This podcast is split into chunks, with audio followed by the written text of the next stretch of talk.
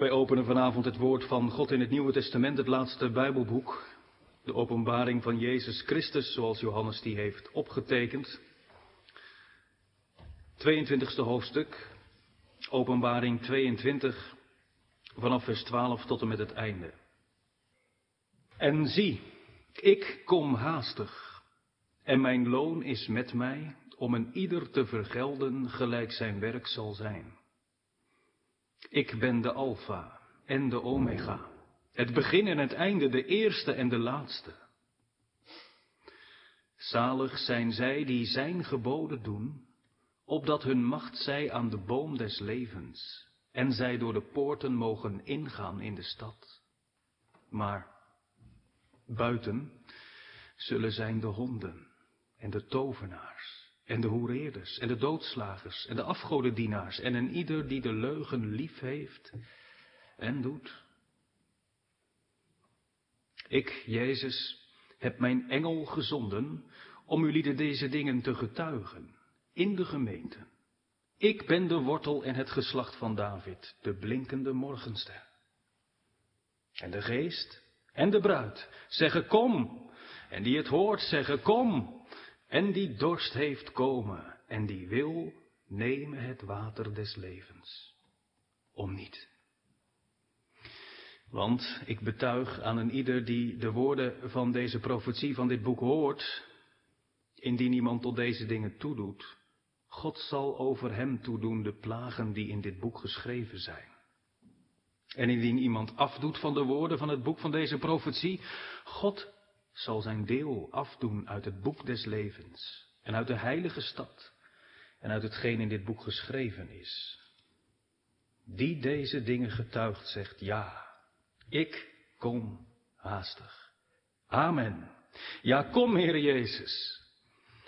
De genade van onze Heer Jezus Christus zij met u allen. Amen. De tekst voor de verkondiging is Openbaring 22, vers 17. Openbaring 22, vers 17. En de geest en de bruid zeggen kom. En die het hoort zeggen kom. En die dorst heeft komen. En die wil nemen het water des levens om niet. Geliefde gemeente, jongelui, jongens en meisjes, daarvan zijn er vanavond niet zoveel die daar nog naar luisteren, maar een paar wel, zie ik. Hoeveel keer staat er het woordje kom in de tekst? En als iemand nou een beetje bij de hand is, die zegt twee keer. Letterlijk staat er twee keer kom in de tekst. De geest en de bruid zeggen kom. En die het hoort zeggen kom. Maar ik wil graag drie keer horen. Want er staat nog een keer komen. Drie keer kom. Dat is ook het thema van de preek. Drie keer kom. En we letten op drie dingen. En dat zijn ook die drie woordjes kom. De eerste keer dat het te sprake komt, is het een antwoord. De tweede keer dat te sprake komt, is het een opdracht. En de derde keer is het een aanbod. De eerste keer een antwoord. De geest en de bruid zeggen kom. De tweede keer een opdracht en die het hoort zeggen kom. En de derde keer een aanbod.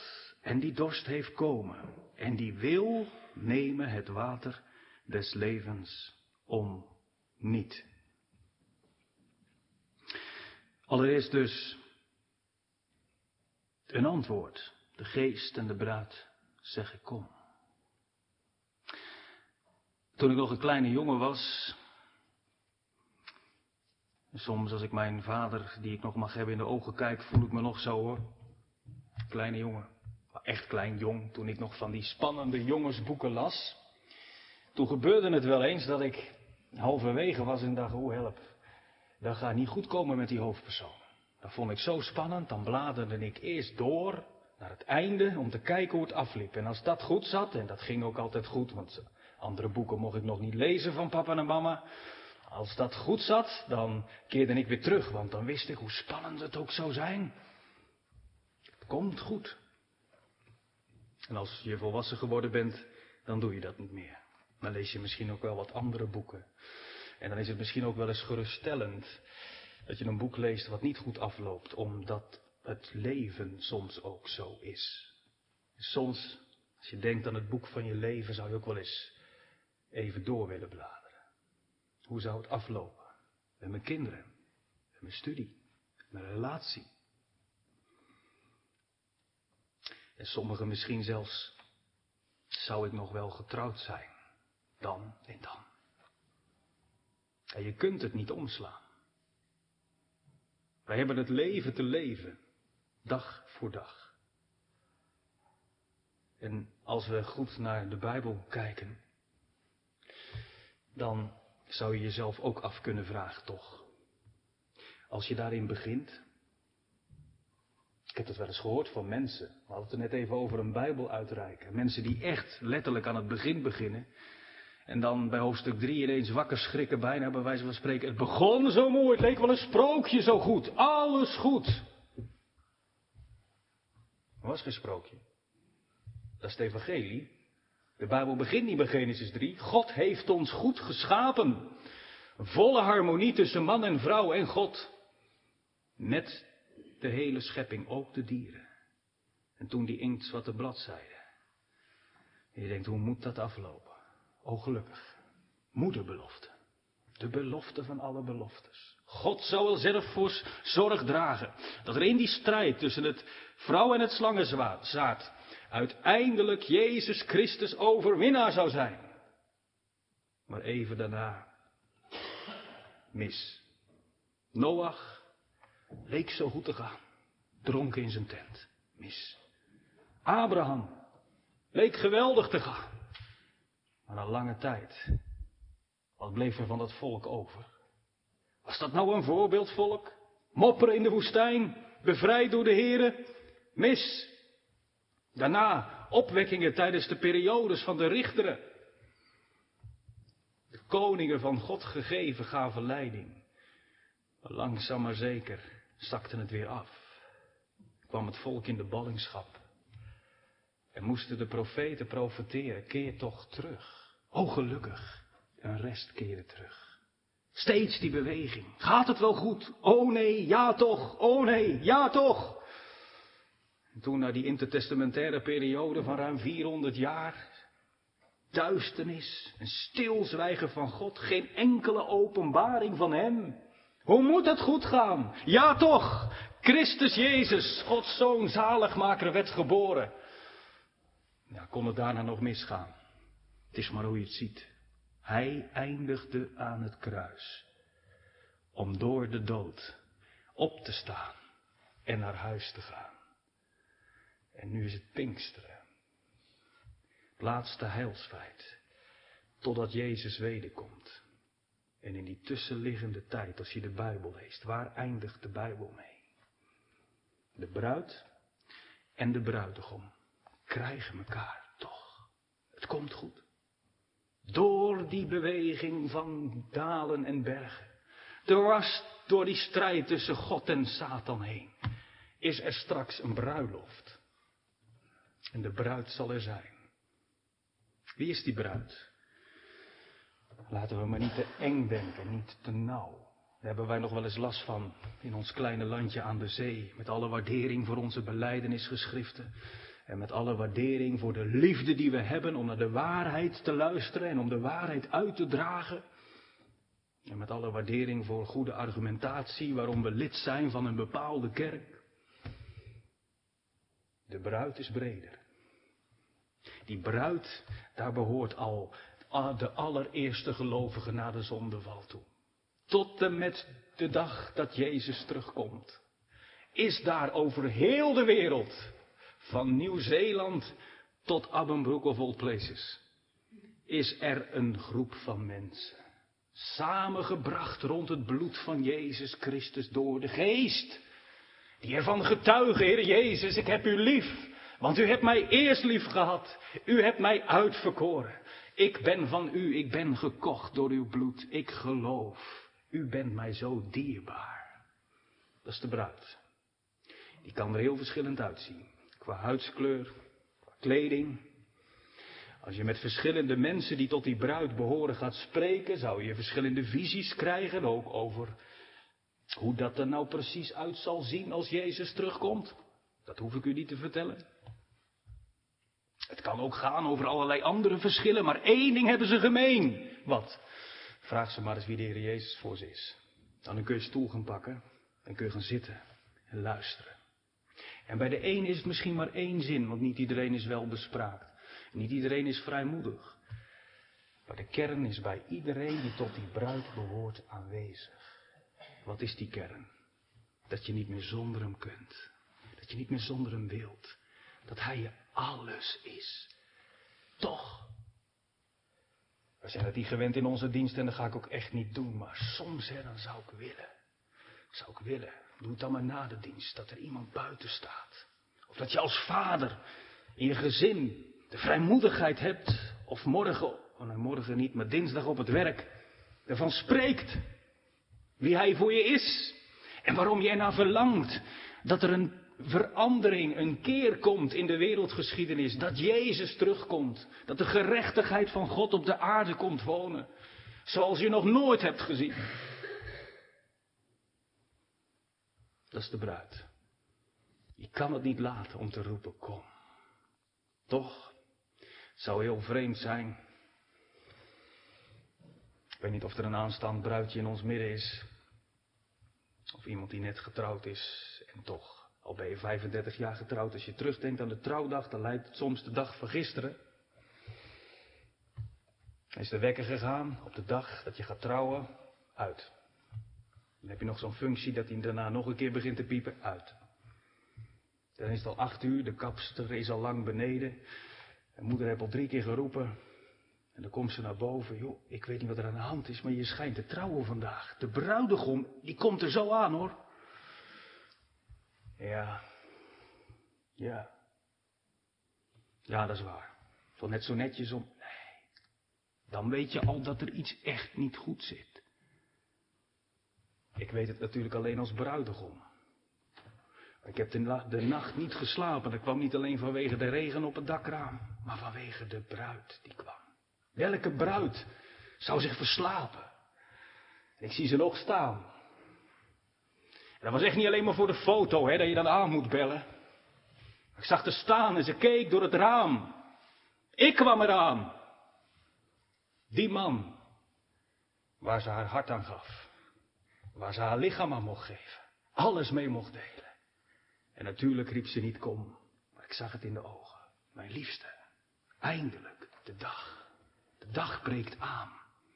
Ik verlang er zo naar want het is heerlijk als de Heer in je leven komt en je vanavond mag zeggen, Heer Jezus, ik dien u. En door het geloof mag ik u zien. En aan uw tafel mag ik proeven en smaken hoe goed u voor mij bent geweest. En mag ik de uw dood verkondigen. Maar er is meer. Je verlangt erna om dat avondmaal niet meer nodig te hebben. Begrijpt u dat? Dat je niet die versterking meer nodig hebt en ook niet die zelfbeproeving. Elke keer weer die slag in je gezicht en die steek in je hart. Ik heb hem weer verlogen, tekort gedaan. Weer opnieuw vergeving nodig. Maar ook als je de krant leest en als je om je heen kijkt en ziet wat er met mens en dier gebeurt.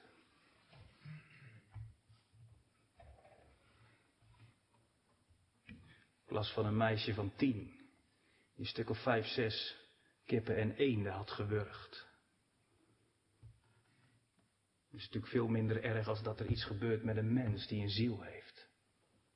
Een meisje van tien, hoe verknipt, zeggen we dan. Ja, dat is ook de gevolgen van de zondeval.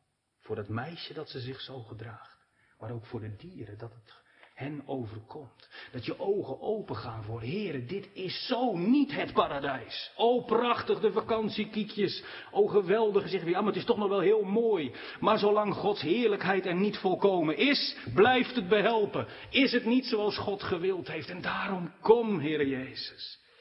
Ja, zegt iemand, dat is wel heel hoog. Ik zou wel eens willen weten, ik zou het wel eens aan uw zoontje willen vragen of u dat nou zelf ook altijd roept. Nou, dan kan ik u voor zijn als u het aan hem vraagt.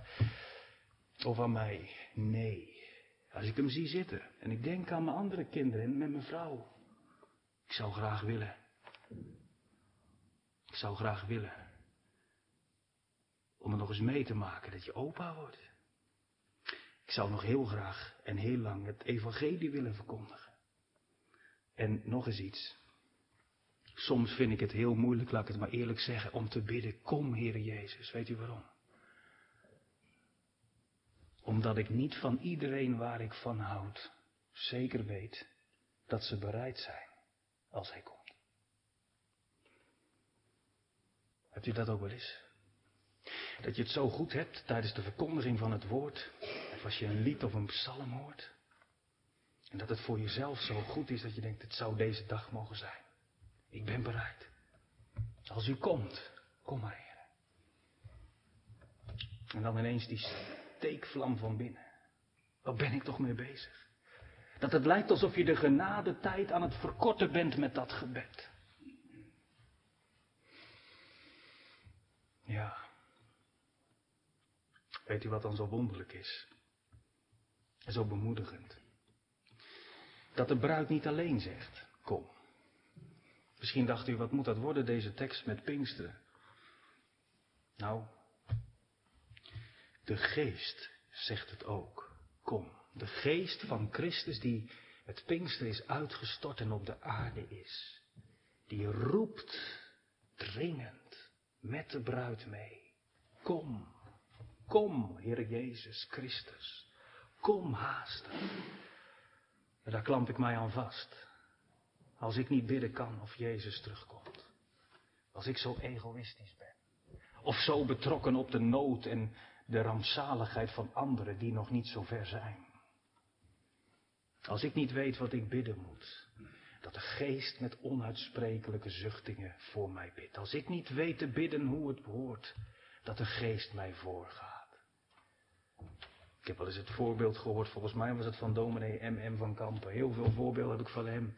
U kent hem wel, hij gaat hier ook wel eens voor, die heeft altijd van die mooie voorbeelden. Die had het over uh, een kind kind dat thuis kwam met een bosje bloemen voor mama. Maar ja, dat had hij niet gekocht, maar geplukt. En dan gaat er nog wel eens iets mis. Nou, liefde is blind. Mama die vindt alles mooi. als je er een cadeautje geeft, ze alles mooi. Maar die vader dacht, ik moet het toch opknappen. Dus hij trok het onkruid er wat uit. En hij maakte er een bosje bloemen van. Nou, dat was, was echt om aan te zien. Hij zei, ga het nou maar aan mama geven. Dat is ook wat, de, met alle eerbied gesproken, wat de Heilige Geest doet als ik met mijn onkruidgebed bij de Heer kom en zeg, Heer, het is zo onvolmaakt. Vandaag bid ik dit en morgen dan stokt mijn stem alweer. En wat gaat er toch van mij uit? Soms dan denk ik, blijf maar weg, Heer, want ik vind het prachtig hier. En ik besef niet dat het altijd maar ten dele is en dat er nog zoveel is wat tot oneer van God is. Dat de Heilige Geest dat gebed voor mij naar de troon van God draagt. Tot God voor de heilige bid en het onkruid eruit neemt. Hij bidt ook. Kom, kom. Dat is het antwoord. Het antwoord. Waarom is dat het antwoord? Omdat Jezus heeft gezegd, drie keer in dit hoofdstuk, hè, ik kom eraan. Als de bruid dat hoort en de geest dat hoort, dan reageren ze, dan zeggen ze dat. Dan komt daar dat antwoord, ja, kom. Wat een zegen, gemeente. Als we zo mogen leven. Ik vraag niet of je het elke dag zegt. Ik vraag ook niet of je er elke dag aan denkt. Het bekende voorbeeld van Luther is, als ik wist dat Christus morgen terug zou komen, zou ik vandaag een boom planten. Ik kan me goed voorstellen dat je dan vandaag die boom plant, dat je dan toch ook denkt, misschien dan hopelijk toch volgende week. Hoe dan ook. Die tijden weten wij niet. Maar dat hij komt, dat is zeker. En dat hij komt, is in de kern toch de volle zekerheid en zaligheid voor de bruid die hem verwacht. Het antwoord. Maar het is ook een opdracht en dat brengt me ook weer even terug bij dat pijnpunt wat ik net benoemde. Dat het je zo'n kramp kan worden om stil te staan bij de komst van Christus. Dat je denkt, heren, als ik daar nou om bid, Zou dat dan, ik weet wel dat u veel wijzer bent dan ik, zou dat dan soms toch te maken hebben met, met de rampzaligheid van degene die dan op dat moment nog niet bereid zijn? En dan heb ik het nog over, zei ik net zelf, over degene die je lief zijn. Maar wat te denken over de hele wereld van al die mensen, moordenaars, killers, die van God nog gebod hebben gehoord of een andere religie aanhangen die hen drijft tot waanzin. Daar gaat Gods oog ook over. Of u het nu wilt of niet. Dat is genade. Ook daar zitten er mensen tussen. Die tot de stal moeten gaan behoren. Die er nog niet van zijn. Maar hoe dan ook. Als ik dan lees in de tekst. En de geest en de bruid zeggen kom. En die het hoort zeggen ook kom. Dan zou je dus kunnen denken. Als je dus mensen ontmoet waarvan je weet, die verwachten Jezus uit de hemel. Als je mensen ontmoet en je hoort ze zeggen dat ze verlangen naar de toekomst van Christus als Hij komt op de aarde, dat anderen ook gaan meeroepen tot Jezus en zeggen, komt u maar. Komt u maar. Dat ze ook gaan verlangen. Maar dan klopt het laatste deel van de tekst niet. En die het hoort zeggen ook, kom. En dan komt het. En die dorst heeft, komen. En die wil nemen het water des levens om niet. Dus als, als dat tweede stukje van de tekst en die het hoort zeggen, kom gericht zijn, zou zijn tot de Heer Jezus.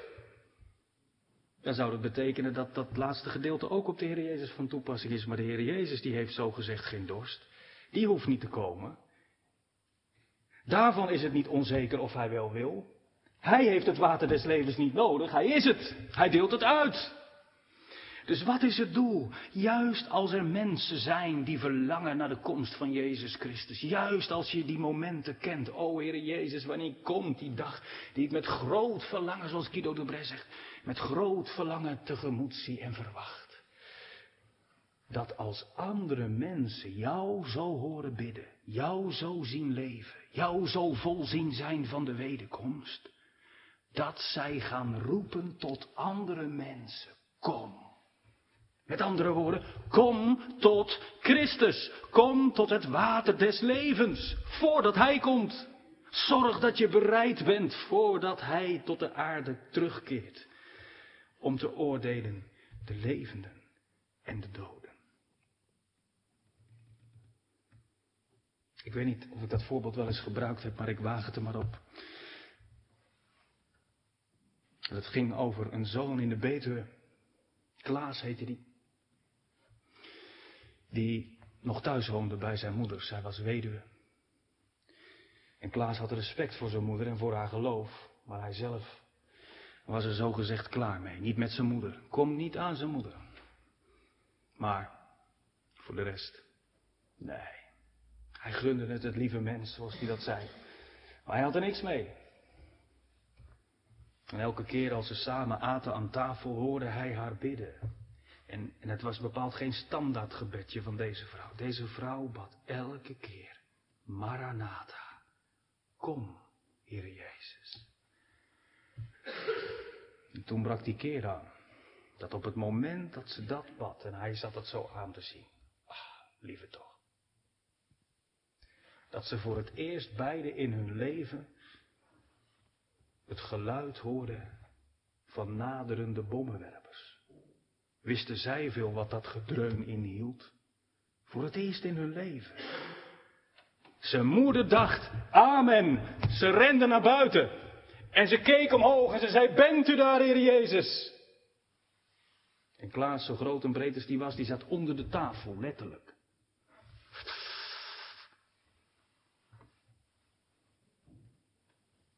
En toen ze lang wegbleef, komt, komt Klaas ook buiten. En zijn moeder stond te huilen. Het waren maar bommenwerpers. En Klaas die zuchtte. Oh, gelukkig, bommenwerpers. En dat is een keerpunt geweest. Keerpunt in zijn leven. Niet dat het altijd zo bijzonder moet gaan. Maar het verduidelijkt wel wat hier gebeurt. Dat als iemand jou, u hoort bidden. En bidden, dat horen ze ons toch, vaders, moeders, thuis aan tafel. Bidden we hardop, man en vrouw?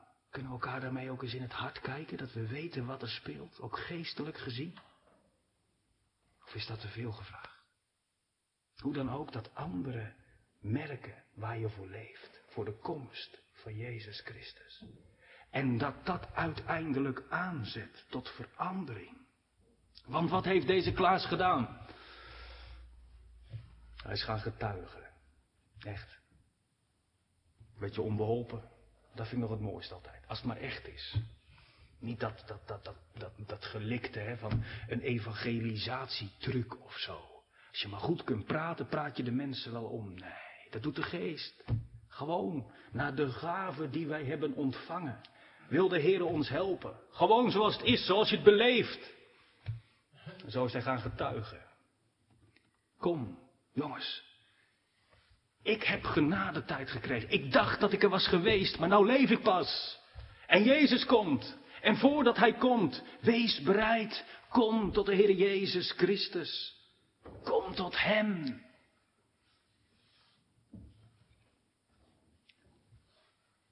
Kun je daar ook iets van vertellen? Van die opdracht. Om anderen te roepen tot het water des levens. Om te zeggen, kom joh. Het kan. Het moet. Ja, nou moet u niet gaan dreigen, zegt iemand. Geloven, dat is toch ook iets. Nou, wat wilt u zeggen? U wilt toch niet zeggen dat het vrijblijvend is? Er staat letterlijk in de grondtaal. De horende moet zeggen, moet zeggen, kom. De horende moet zeggen, kom, moet. Bevelende wijs. Jongens, als je een vader of moeder hebt die nog wel eens een keer naar aanleiding van een preek of een boekje wat ze heeft gelezen of een lezing die ze heeft gehoord of bekeken met jou begint over het geloof en je vindt dat altijd wat lastig. Wil je dan niet zeggen wat ik te vaak tegen mijn ouders heb gezegd? Begint u nou alweer te preken? Te zeuren? Er moet, moet. Er moet niks.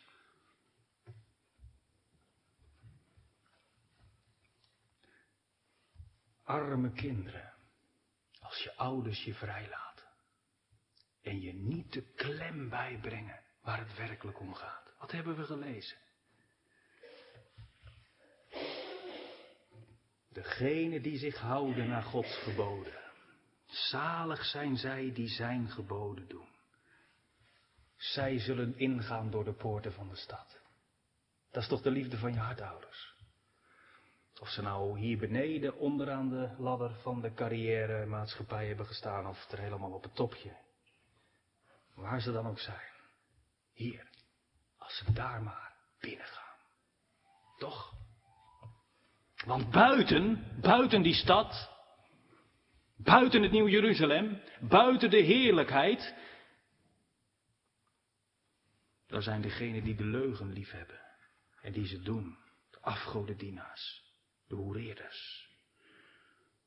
Daarom de spanning, de klem, de noodzaak.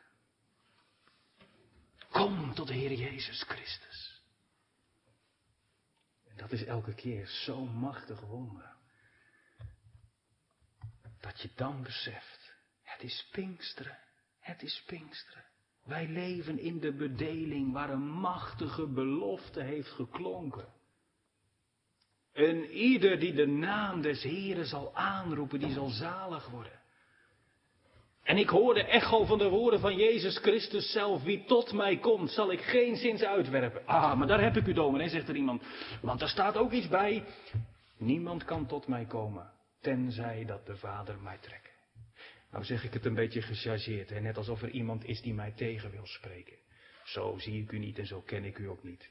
Maar, dat maak ik wel mee. Dat mensen zeggen, nou heb ik u. En dan vraag ik wel eens, wat bedoelt u nou? Wilt u nou zo graag gelijk hebben? Nou, dan krijgt u het. Ik hou helemaal niet van ruzie. Als u gelijk wil hebben, dan krijgt u het. Maar wat win je daar nou mee? Dat je eigenlijk zegt, ik wil wel komen en Jezus wil het ook wel dat ik tot hem kom. Maar ik ga niet, want ja, ik zit te wachten tot de Vader mij trekt. Alsof er één iemand is die het nog in zijn hoofd zal durven halen. Om straks als we voor de troon van Jezus staan, zal kunnen zeggen. U heeft wel geroepen dat ik mocht komen, maar helaas, de Vader heeft mij niet getrokken. Dus het is Gods schuld. Nee. Waarom staat er in de Bijbel dat niemand tot Jezus kan komen tenzij dat de Vader hem trekken? Dat is geen dood eind. Dat is geen dichte deur. Dat is het evangelie. Voor mensen die zeggen, hoe kom ik toch bij Jezus? Heb je dat ook wel eens geprobeerd? Of ben je al bij hem gekomen? Dat je probeert, ik wil bij de Heer komen. Echt. Als ik ervan hoor spreken, ik kom er niet van los. Dat is wat ik nodig heb. Ik voel dat. Ik moet mijn dorst niet lessen, daar en daar en daar en daar. Ik moet bij hem zijn, anders word ik niet gelukkig. Dan blijf ik s'nachts maar wakker liggen. En dan ga ik maar door van kik tot kik, maar het verzadigt niet. Ik heb Jezus nodig, maar hoe kom ik bij hem? Want die andere kant trekt ook. Hier blijven, hier blijven. Die strijd. Als je dan beseft, hoe moet ik bij Jezus komen? Dat je dan die tekst leest. Niemand kan tot hem komen. Tenzij dat de Vader hem trekt. Dat is geen mits of een maar. Maar dat tenzij is een goddelijke belofte. Want wie van ons durft te zeggen dat de Vader niet trekt? Dat is zijn liefste werk. Hij heeft er geen verlangen in, in de dood van een goddeloze, maar daarin dat hij of zij zich bekeert en leeft. Als Jezus komst al uitstaat. En je hoort Petrus in zijn eerste brief daarover ook een soort, ja, voorzichtig formuleren. Hè? Het is niet zo dat de komst van Jezus langer duurt omdat hij zijn belofte vertraagt. Ik kom spoedig. Zoveel mensen zijn er ook wel die zeggen, ja, het duurt al zo lang. Dat is geen vertraging van de belofte, maar het is een uiting van Gods geduld. Niet willende dat enige verloren gaan, maar dat ze alle tot bekering komen. Daarom klinkt de bazuin nog niet. Daarom wordt er verkondigd. En de vader die trekt. Hij trekt, hij wil je hebben. Echt waar. Het is zijn liefste werk. Om zondaren zalig te maken. En, de Heer, en van de Heilige Geest is het het liefste werk om de Heer Jezus aan te prijzen. En de Heer Jezus, ach. Wie denkt niet als het gaat over het water des levens aan die geschiedenis van de Samaritaanse vrouw Johannes 4? Ze wilde met niemand, door niemand betrapt worden. Want die veroordelende blikken.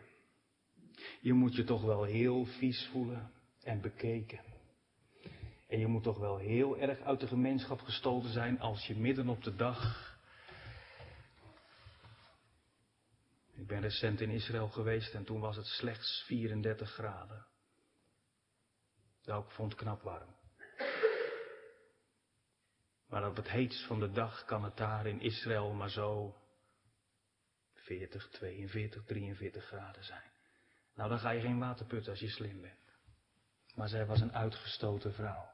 Wilde niet gezien worden.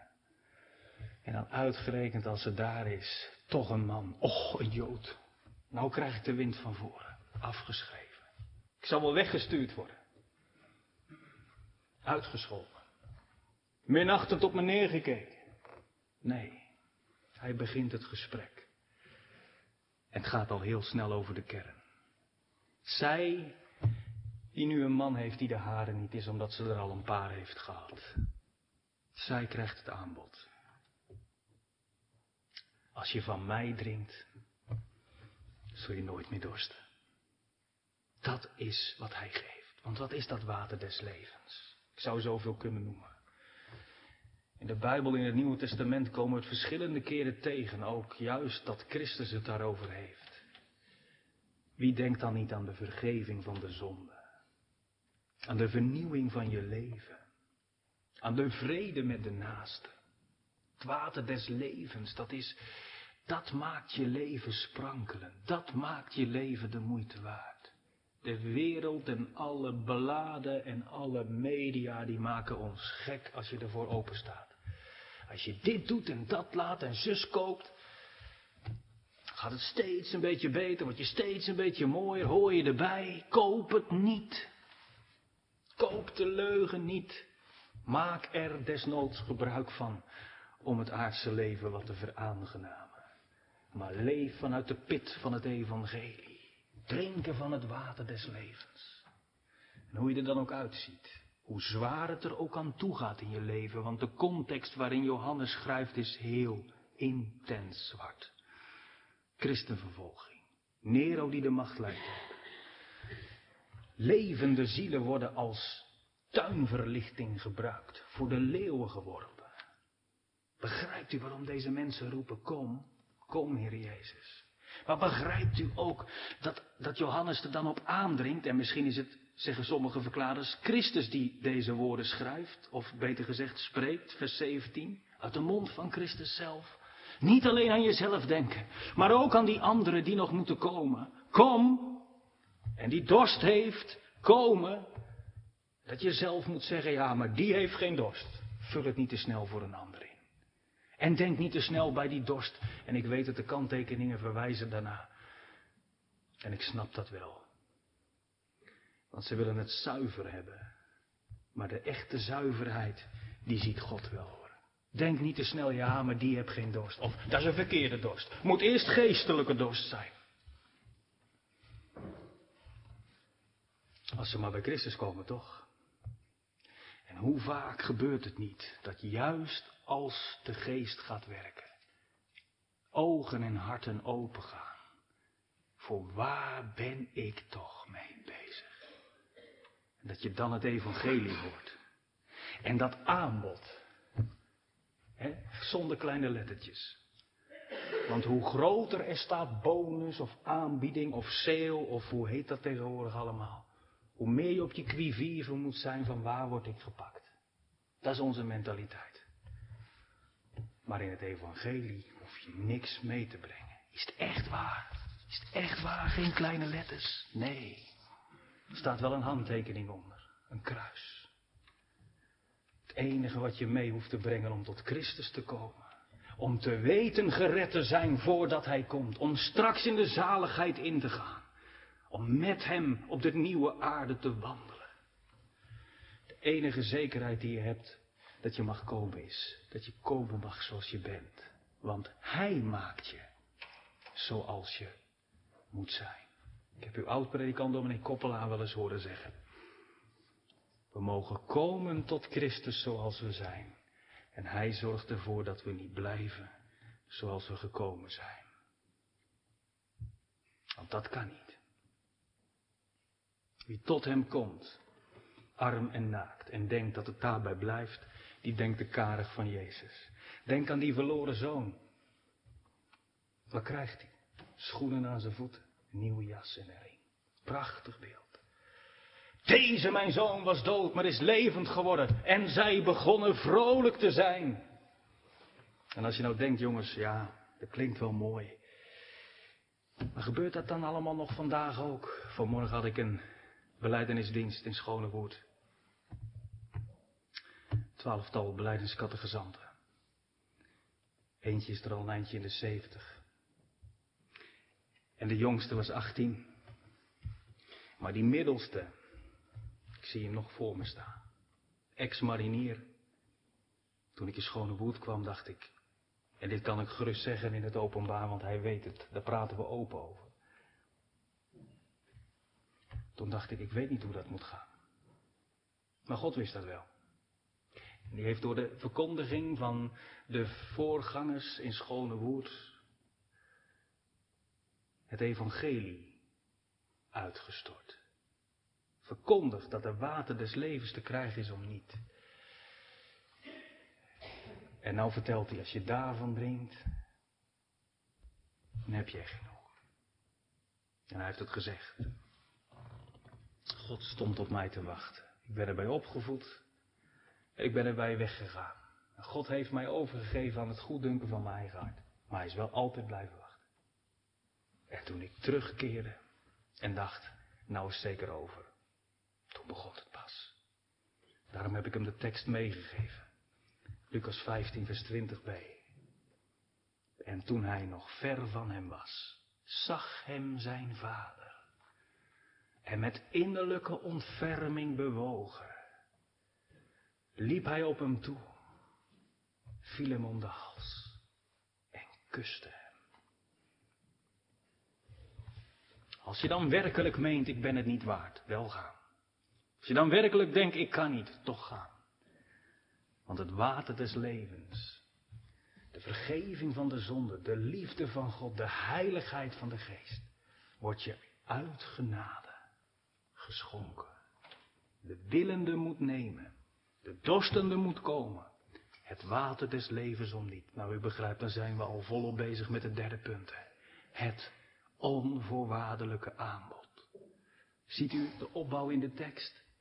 Geest en de bruid, die verlangen naar de komst van Jezus. De mensen daaromheen, de mensen die het evangelie van Johannes en de openbaring van Jezus Christus hebben horen voorlezen in de gemeentes. En al die mensen die tot de bruid zijn gaan behoren, die het horen. Over heel de wereld, die worden gedrongen om anderen te nodigen tot Christus. Als je dat zelf hebt meegemaakt. En ook die momenten kent waar ik over sprak in het begin van de preek. Kan ik wel bidden, kom Heer Jezus. Als ik denk aan die mensen die ik zo lief heb, die nog niet klaar zijn. Draai het nou zo. Vul het nou niet voor hen in. Want een Maranatha-christen, die straalt wat uit. Vuur. Wie dicht bij het vuur komt, wordt warm. En andersom zijn er misschien ook wel veel Mara-christenen. Bitter. Dit kan beter, dat kan beter, dit gaat niet goed. Och en ach. Als je het over jezelf hebt, gaan we bij Paulus staan. Ik ellendig mens. Zing het maar mee met David. Tot de tijd dat Christus komt zijn er van die momenten, dan kom je niet verder als zie op mij in gunst van boven. Ook al heb je de Heilige Geest bij je. En je bent als David diep en diep gevallen en dat je denken moet, oh God, neem uw Heilige Geest niet van mij. Eenzaam ben ik en verschoven en de ellende drukt mij neer. Dat wel. En toch, ik moet en zal glimmen. Want het gaat om genade. Het gaat om de komende koning. Hij is het die mijn heil volmaakt. Ik blijf hem al de dag verwachten. Als dat glanst, dan steekt dat het vuur aan bij anderen. In de gemeente en op het dorp.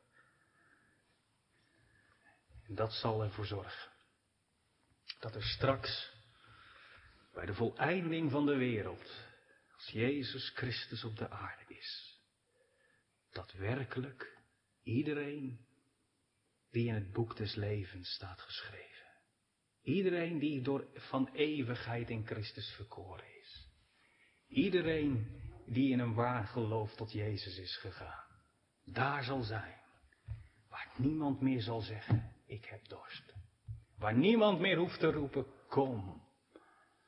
Waar iedereen in Christus alles heeft. En met elkaar, zonder discussie, zonder welke vorm van gebrokenheid. Met het leeuw, met de leeuw en het lam. Terwijl de jongeling zijn hand steekt in het hol van een slang. God zal groot maken. Hoe dwaas om op zo'n grote zaligheid geen acht te geven. Geliefde gemeente, Pinksteren 2017. De Heilige Geest, Hij verlangt naar Christus. De bruid. Bent u erbij? De bruid verlangt mee. Degene die het horen beseffen, hier gaat het om. Wij moeten komen tot Christus voordat Hij komt. En waarom? Het aanbod is royaal. Kom tot het water des levens. Kom tot Christus. Als je niet wilt, de geest overtuigt wat de reden is. Wij geloven niet in Hem. En als je niet kunt, de Vader zal je trekken. Amen.